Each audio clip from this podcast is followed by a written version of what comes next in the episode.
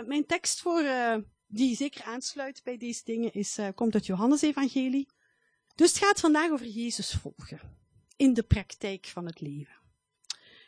en de teksten voor vandaag komen uit Johannes 14, vers 6 en 7. En Johannes 15, vooral vers 4 en 5. Ik lees het even voor. Jezus antwoordde aan zijn leerlingen, ik ben de weg, de waarheid en het leven. Niemand komt tot de Vader behalve door mij. Als je mij echt kent, zul je ook mijn Vader kennen. Van nu af aan ken je hem wel en heb je hem gezien. Johannes 15. Ik ben de ware wijnstok en mijn vader is de wijngaardenier. Elke rank die in mij geen vrucht draagt, neemt hij weg. En elke rank die vrucht draagt, die reinigt hij, of snoeit hij, opdat ze meer vrucht draagt. U bent al rein vanwege het woord dat ik tot u gesproken heb. Blijf in mij en ik in u. Zoals de rank geen vruchten kan dragen uit zichzelf als hij niet aan de wijnstok blijft, zo ook u niet als u niet in mij blijft. Ik ben de wijnstok, u de ranken. Wie in mij blijft en ik in hem, die draagt veel vrucht, want zonder mij kunt u niets doen. Oké. Jezus zegt tegen de leerlingen, ik ga weg. En uh, ja, ik ga daar een plaats voor u klaarmaken en je weet de weg. En uh, dus als die plaats klaar is, dan kom ik terug. Nu, even tussendoor. Als God de wereld en, de, en het heelal en de sterren en de melkwegstelsels en wat weet ik allemaal geschapen heeft in zes dagen, dan duurt het wellicht geen 2000 jaar om voor ons een plek voor te bereiden. Dus het feit dat Jezus nog een plek aan het voorbereiden is, betekent dat wij hier nog werk te doen hebben. Um, maar dus hij, en, en, de leerlingen zeggen, hoe, wij weten de weg, wij weten de weg niet. En dus ze vragen naar de weg. En uh, ze dachten, Jezus gaat misschien zeggen van, hier naar links en daar naar rechts en dan rechtdoor.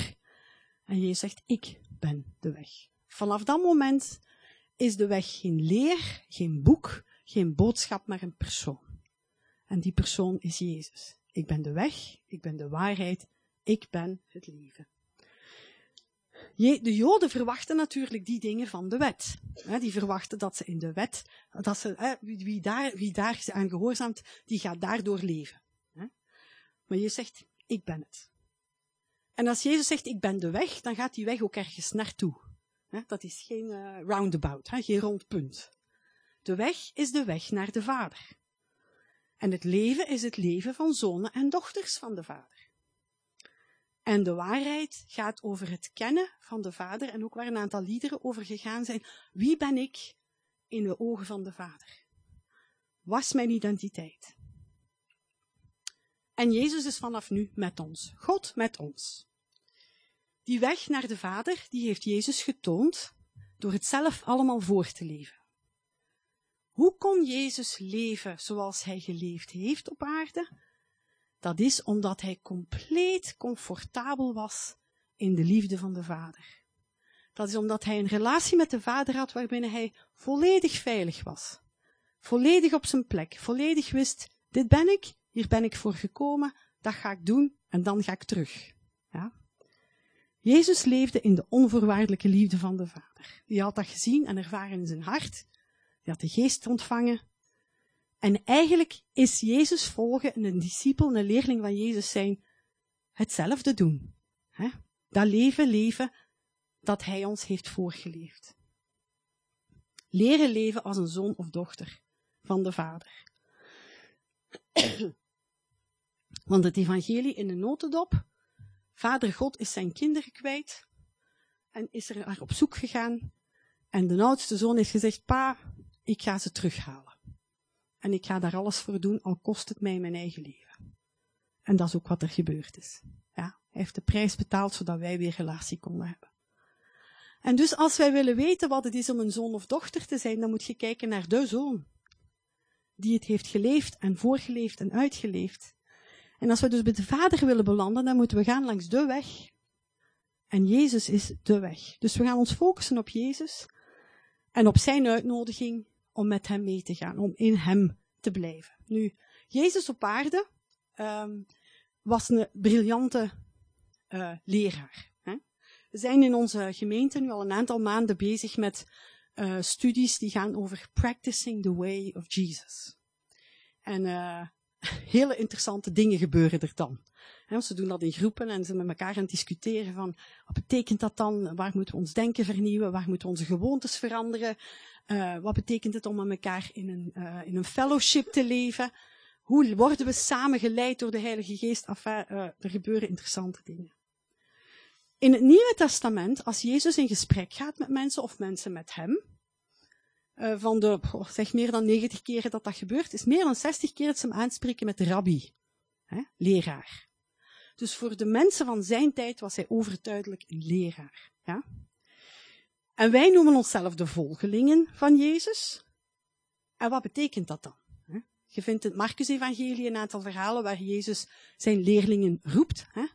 Petrus en Johannes en uh, Simon en Andreas. En dan een beetje verder in Marcus uh, Levi. En dan staat er in Marcus 3, hij koos er twaalf uit om met hem te zijn. En dan in Marcus 8 de grote uitnodiging, wie mijn leerling wil zijn, neem een kruis op en volg mij. Jezus zegt niet, pas mijn, uh, studeer mijn boeken. Jezus zegt niet, uh, leer ze van buiten. Het is goed om de Bijbel van buiten te leren, echt waar. Uh, hij zegt, volg mij. Ja? Oké.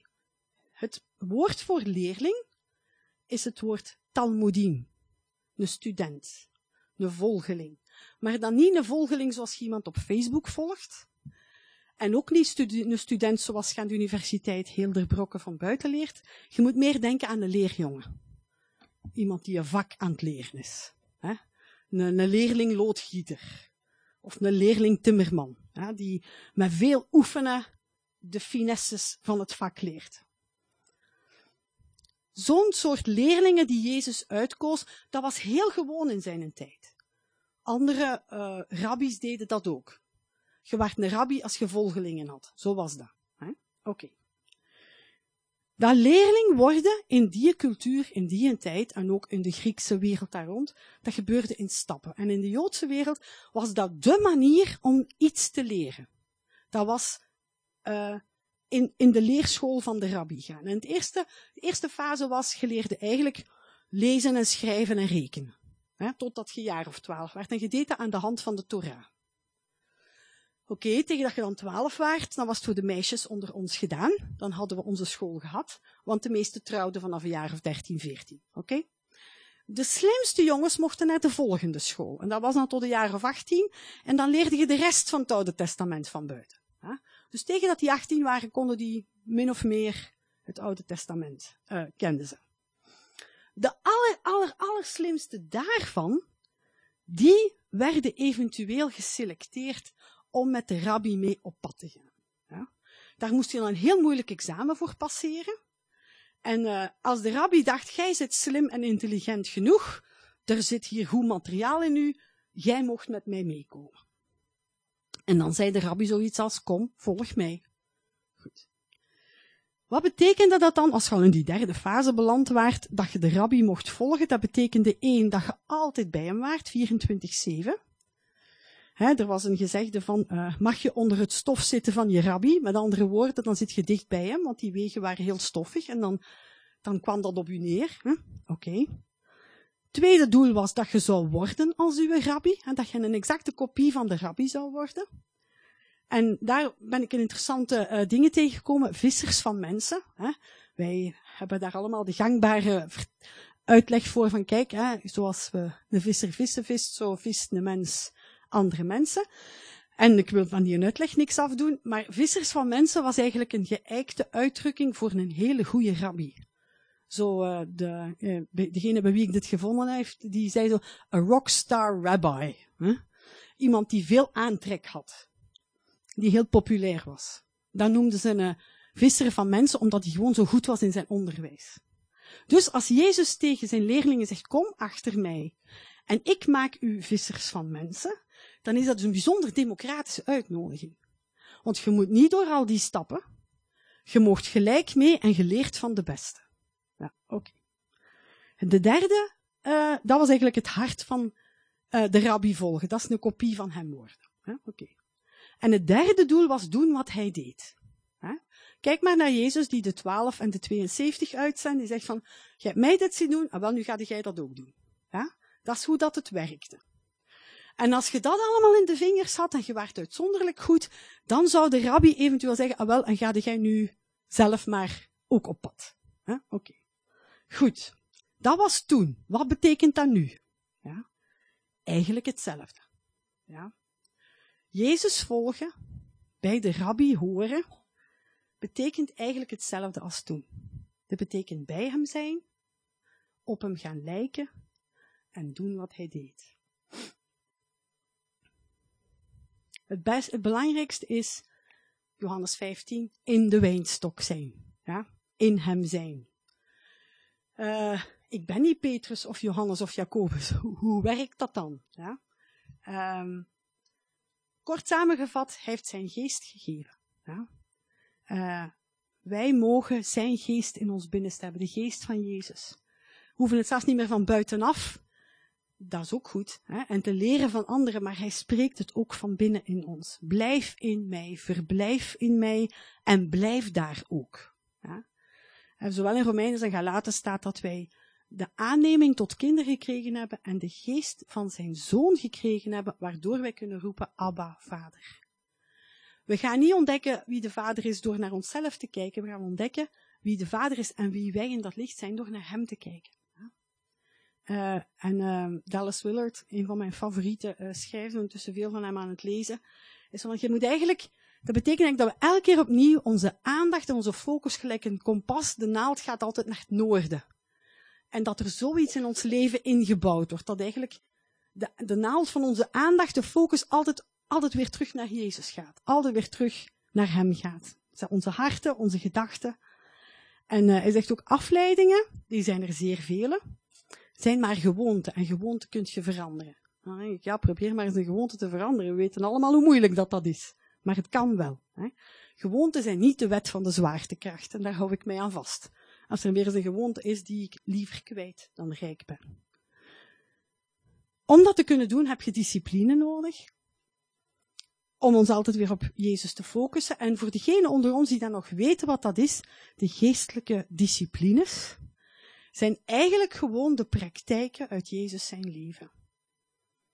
Als je wilt de Vader leren kennen, op die weg gaan, moeten we achter Jezus aangaan. Hoe gaan we achter Jezus aan? Door zijn levensstijl over te nemen. In ons geval betekent dat serieus onthaasten, volgens mijn bescheiden mening. Ja? Ik ben een heel goed boekje aan het lezen. In het Engels noemt het The Ruthless Elimination of Hurry. Zo van, je moet gehaastheid met wortel en tak uit uw leven uitroeien. En ik zit u net te vertellen wat er allemaal aan het groeien is, maar ik denk net door wat er aan het groeien is, dat wij nog meer behoefte hebben aan rust en aan vrede, om in balans te blijven. Maar als je wilt achter Jezus aangaan, zullen we het op zijn tempo moeten doen. En dan kun je niet vooruitschieten en zeggen, ah heer, waar, waar zit u ergens? Dan wordt het achter hem aangaan. En ieder van ons die al lang genoeg op weg is, die weet dat dat soms tergend traag gaat. Ik weet niet hoe met u is, maar ik heb soms issues met de Heer. Zeker als het over wachten gaat. Wachten is in mijn boek niet zo populair. Ik ben een doener. Hè? Dus maar leren wachten op hem. Leren zijn levensstijl adopteren. En dan denken ja, maar wij zitten in de 21ste eeuw en in de stedelijke context. En toen was het een boerensamenleving en het was allemaal nog veel rustiger en dat dan. Weet je wat ik ontdekt heb? Je moet maar eens christelijke schrijvers lezen van 50 jaar geleden, 100 jaar geleden, zelfs de woestijnvaders. Je gaat dat lezen, je leest dezelfde dingen. Waar wij mee te maken hebben is de menselijke conditie. Is het nu moeilijker? Misschien wel. Ja. Want de constante prikkels van sociale media en van, van technologie en alles wat op ons afkomt, maakt het niet zo gemakkelijk. Maar het hoeft niet dat te zijn, het kan ook de tv zijn. Hè? Wij hebben, ik denk dat onze grootste verleiding om Jezus te volgen is afleiding. Verstrooiing. Series allerhande. Netflix en co. Uw appjes. Uw smartphone. Je hebt een constant een heel bereik op dat ding ben nu begonnen met een hoop uh, onzichtbaar te maken. Omdat ik besef van mijn hoofd is moe gewoon van alle prikkels die binnenkomen. Nu, ik ben daar nog heel erg in op weg. Ik ben zeker van dat sommige mensen dat veel beter doen dan ik.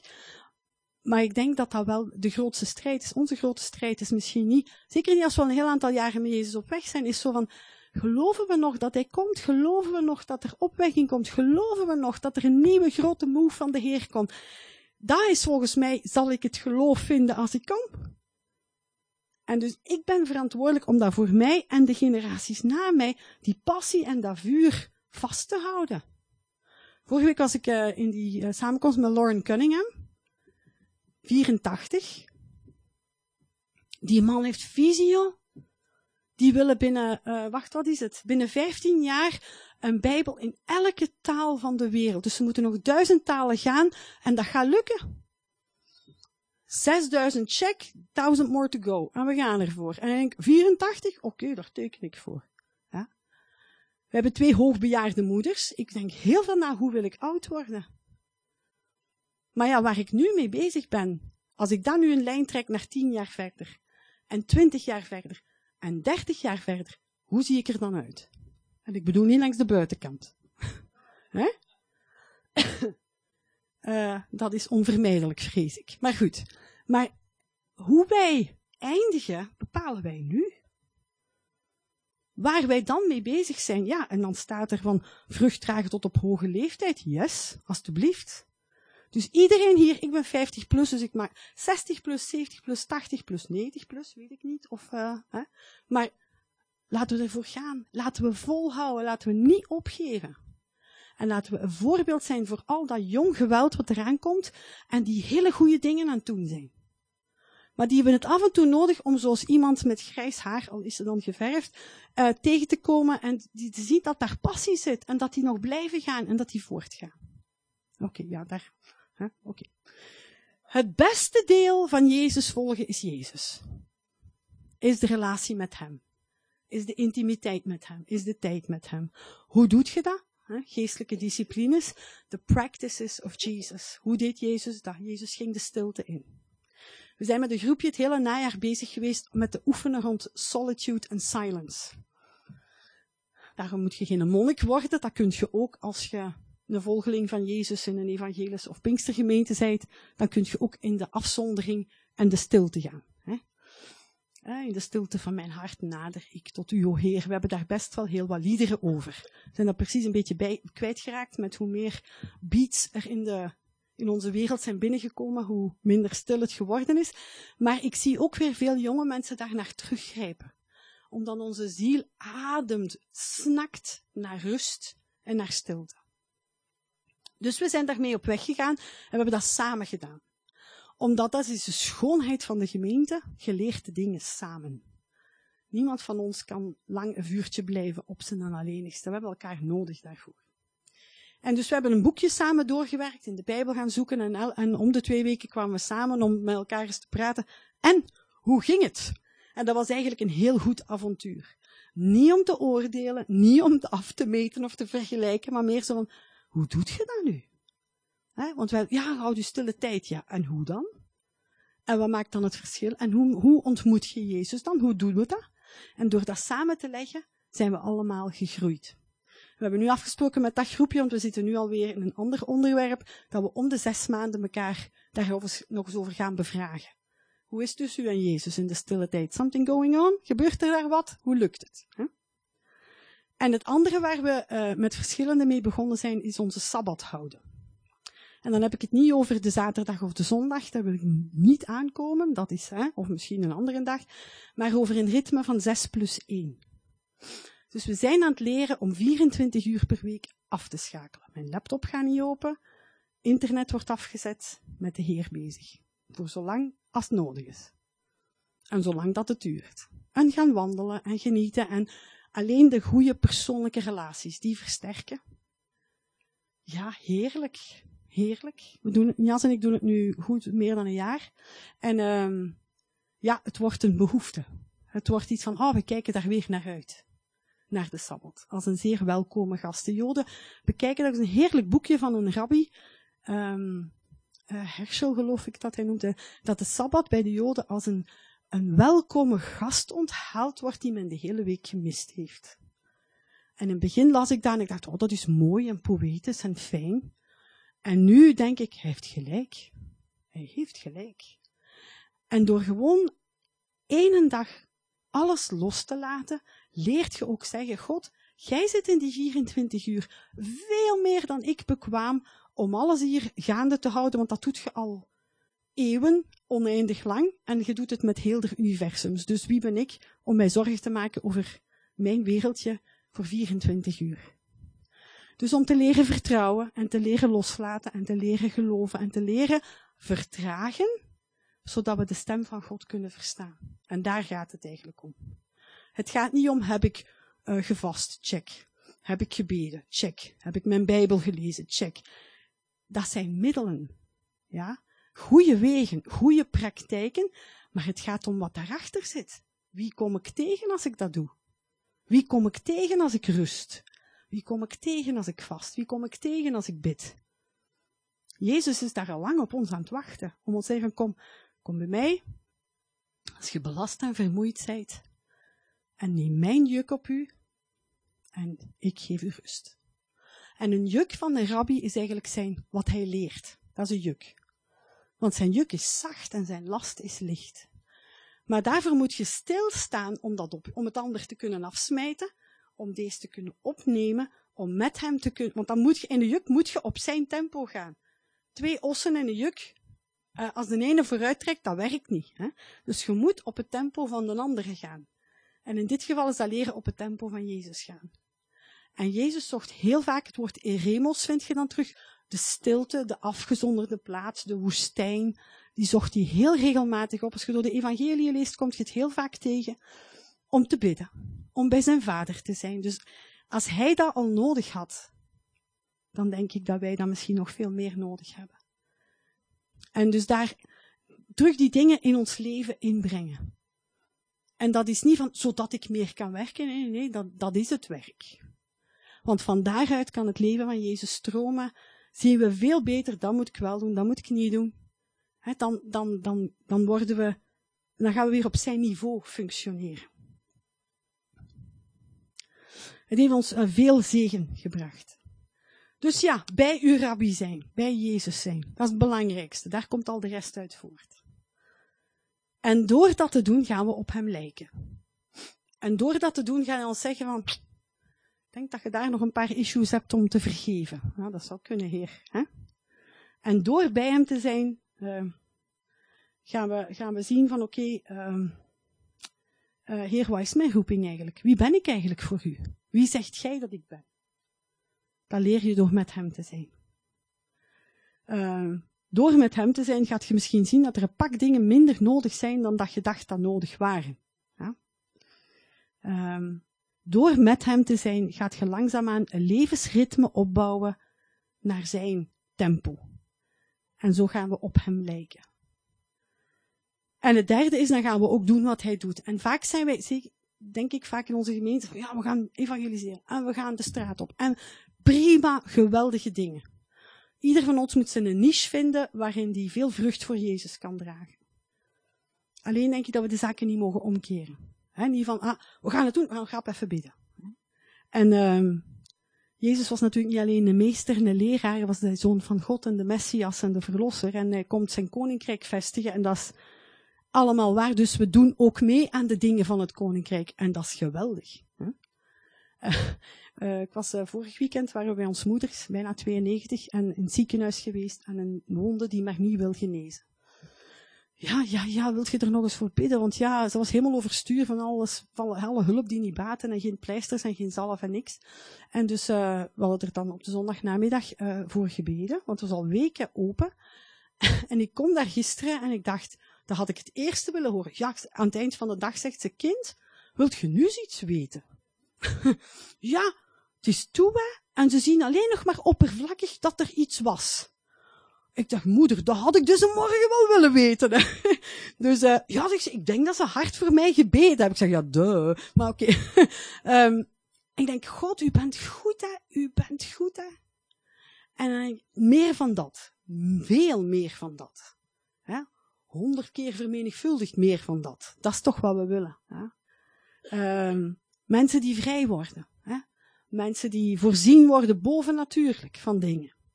Um, vrede sticht, de gerechtigheid beoefenen. Dat is wat we met stapsteen proberen te doen. Dat is gerechtigheid beoefenen. Heel het Oude Testament staat er pokkenvol van. Dus dat zijn dingen die, denk ik, yes heer, wat een spannend leven heb jij ons gegeven. Wij mogen daar met u in meegaan. Bidden met mensen, bidden voor mensen, profiteren, noem maar op. Er zijn zoveel ongelooflijk boeiende dingen te doen in het Koninkrijk van God. En we gaan ook al die dingen doen. Ja? Maar als ik een leerling loodgieter ben, dan ga ik eerst, ja, ik weet niet wat een leerling loodgieter eerst moet leren. Ik ken er eigenlijk totaal niks van. Ik heb veel bewondering voor die mensen. Hè. Um, maar na een paar jaar kan zo'n leerling loodgieter heel het huis uh, voorzien van, uh, van leidingen. En zo is het eigenlijk met Jezus ook. Door met hem te wandelen, leren we al die dingen doen. Worden we daar goed in, groeien we daarin. En wordt zijn wil gedaan in veel voorten zoals in de hemel. En in Brussel zoals in de hemel. En in Hasselt en in Waregem en in Zonnebeken en in Gent en overal zoals in de hemel. Ja. En Jezus nodigt ons uit, hè, Marcus 8, nodigt ons uit, als je mijn leerling wilt zijn, hè, want weet je, je moet dat tekstgedeelte lezen, Marcus 8, 34 tot 37, er staan, er was de menigte en daar waren de leerlingen. En Jezus zegt tegen iedereen, ook tegen de menigte, wie, mij wil, wie mijn leerling wil zijn, die volgt mij, pakt zijn kruis op, komt achter mij aan. De uitnodiging is voor ons allemaal. Of je drie of 93 bent, dat maakt niet uit. Ja, het is voor ons allemaal. Het enige, denk ik, waar we allemaal onze oefening of onze rekening in moeten maken, is dat je het leven met Jezus niet als een hobby naast de rest kunt doen. Dat werkt niet. Ik heb Jezus en, nou, ik moet opletten wat ik zeg, want ik wil niemand zijn een hobby hier in discrediet brengen. Hè? Uh, mag er geen hobby? Zeg ik ook totaal niet. Het gaat erom dat Jezus volgen geen hobby kan zijn. Daar gaat het. Niemand hoeft, er zijn maar weinige mensen die voltijds alleen met prediking of met dingen bezig zijn, maar dat wij wel voltijds Jezus volgen daar waar we gepland zijn. Als student, als sociaal werker, als kok, als moeder, als grootmoeder, als leerkracht, als dokter, als vader, als wetenschapper, als noem maar op. Hè. Uh, en dat mijn focus, hè, mijn kompas, altijd weer naar hem wijst. Uh, in het Nieuwe Testament komt het woord leerling 268 keer voor. Het woord christen drie keer. En uh, christen is ja, oké, ik geloof in de christelijke overtuiging. Maar leerling is, zoals ik u gezegd heb, een leerjongen, een apprentice, een praktijkmens. Ja? En Jezus is niet bezig met uh, meer toehoorders bij zijn religie te vinden. Ja? Jezus roept volgelingen. Mannen, vrouwen, jong, oud.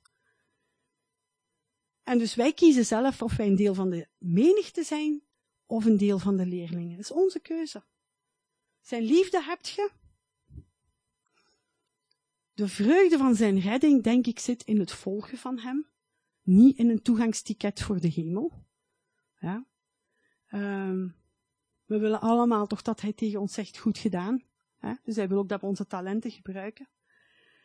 Als je kijkt hoe leerlingen gevormd werden, geeft Jezus een hyperdemocratische uitnodiging. Want of jij nu scholing gehad hebt of niet, je mocht een visser van mensen worden. Dus we mogen allemaal goed worden daarin. En hij geeft ons daarbij bovenop nog eens een geweldige familie om bij te horen. Als er iets is in deze wereld dat wij voortdurend tegenkomen, en daarom zeg ik ook wat met mijn stapsteen doen, wij willen mensen weer erbij laten horen. Je hebt niet veel nodig om een discipel van Jezus te zijn. Een luisterend oor en een aanvaardend hart en je zijt aan het evangeliseren. Hè? Ik wil het niet zeggen dat je niet moet getuigen, dat is helemaal mijn boodschap niet, maar wij kunnen al met vrij beperkte dingen een hele grote impact hebben. Jezus zegt ook in de bergreden wie mijn woorden hoort en ze doet. Ja, wie mijn woorden onderwijst en ze toepast. Dat is een proces. Het gaat dus niet over, oh, ik zal het eens proberen, het gaat over oefenen, over training. Hè? En, um, en wij mogen trainen in bij hem zijn, in op hem gaan lijken en dan ook doen wat hij deed. En daarvoor is iedereen uitgenodigd. Of je hem nu al lang kent of kort kent, of nu oh, ik ben al zo lang met de Heer onderweg, ik heb nu allemaal wel gezien. Dat geloof ik van zijn lange leven niet. Ik geloof dat het beste nog moet komen. En ik ken hem volgend jaar 40 jaar. En er zullen er onder u zijn die hem nog veel langer kennen. Maar ik, ik, ik, ik disciplineer mijn hart om zeer grote verwachtingen te hebben. Ik ben, dat ik ben dat verschuldigd aan mijn kinderen en aan mijn kleinkinderen. Dat die een grootmoeder en een moeder tegenkomen die het ziet zitten. En die passie en visie heeft, want dat, daar hebben zij geloof van om die dingen te doen waar ik geen energie meer voor heb. En, uh, en dan zit je misschien jaar in de kerk, dan is ook nu weer de roep van, wilt je mijn leerling zijn? En misschien is het ook goed voor ons allemaal om soms een keer helemaal opnieuw te beginnen. Om weer te zeggen, heer, nu heb ik al zoveel jaar dingen van u geleerd, ah wel, en nu ga ik een keer opnieuw beginnen. 1.0. Wat zegt u weer al? Oké. En weer eens opnieuw aan de voeten van Jezus gaan zitten. Een keer een tijdje stoppen. Ik hoop dat binnenkort te kunnen doen. Is een tijdje stoppen, uh, na 15 jaar in Brussel.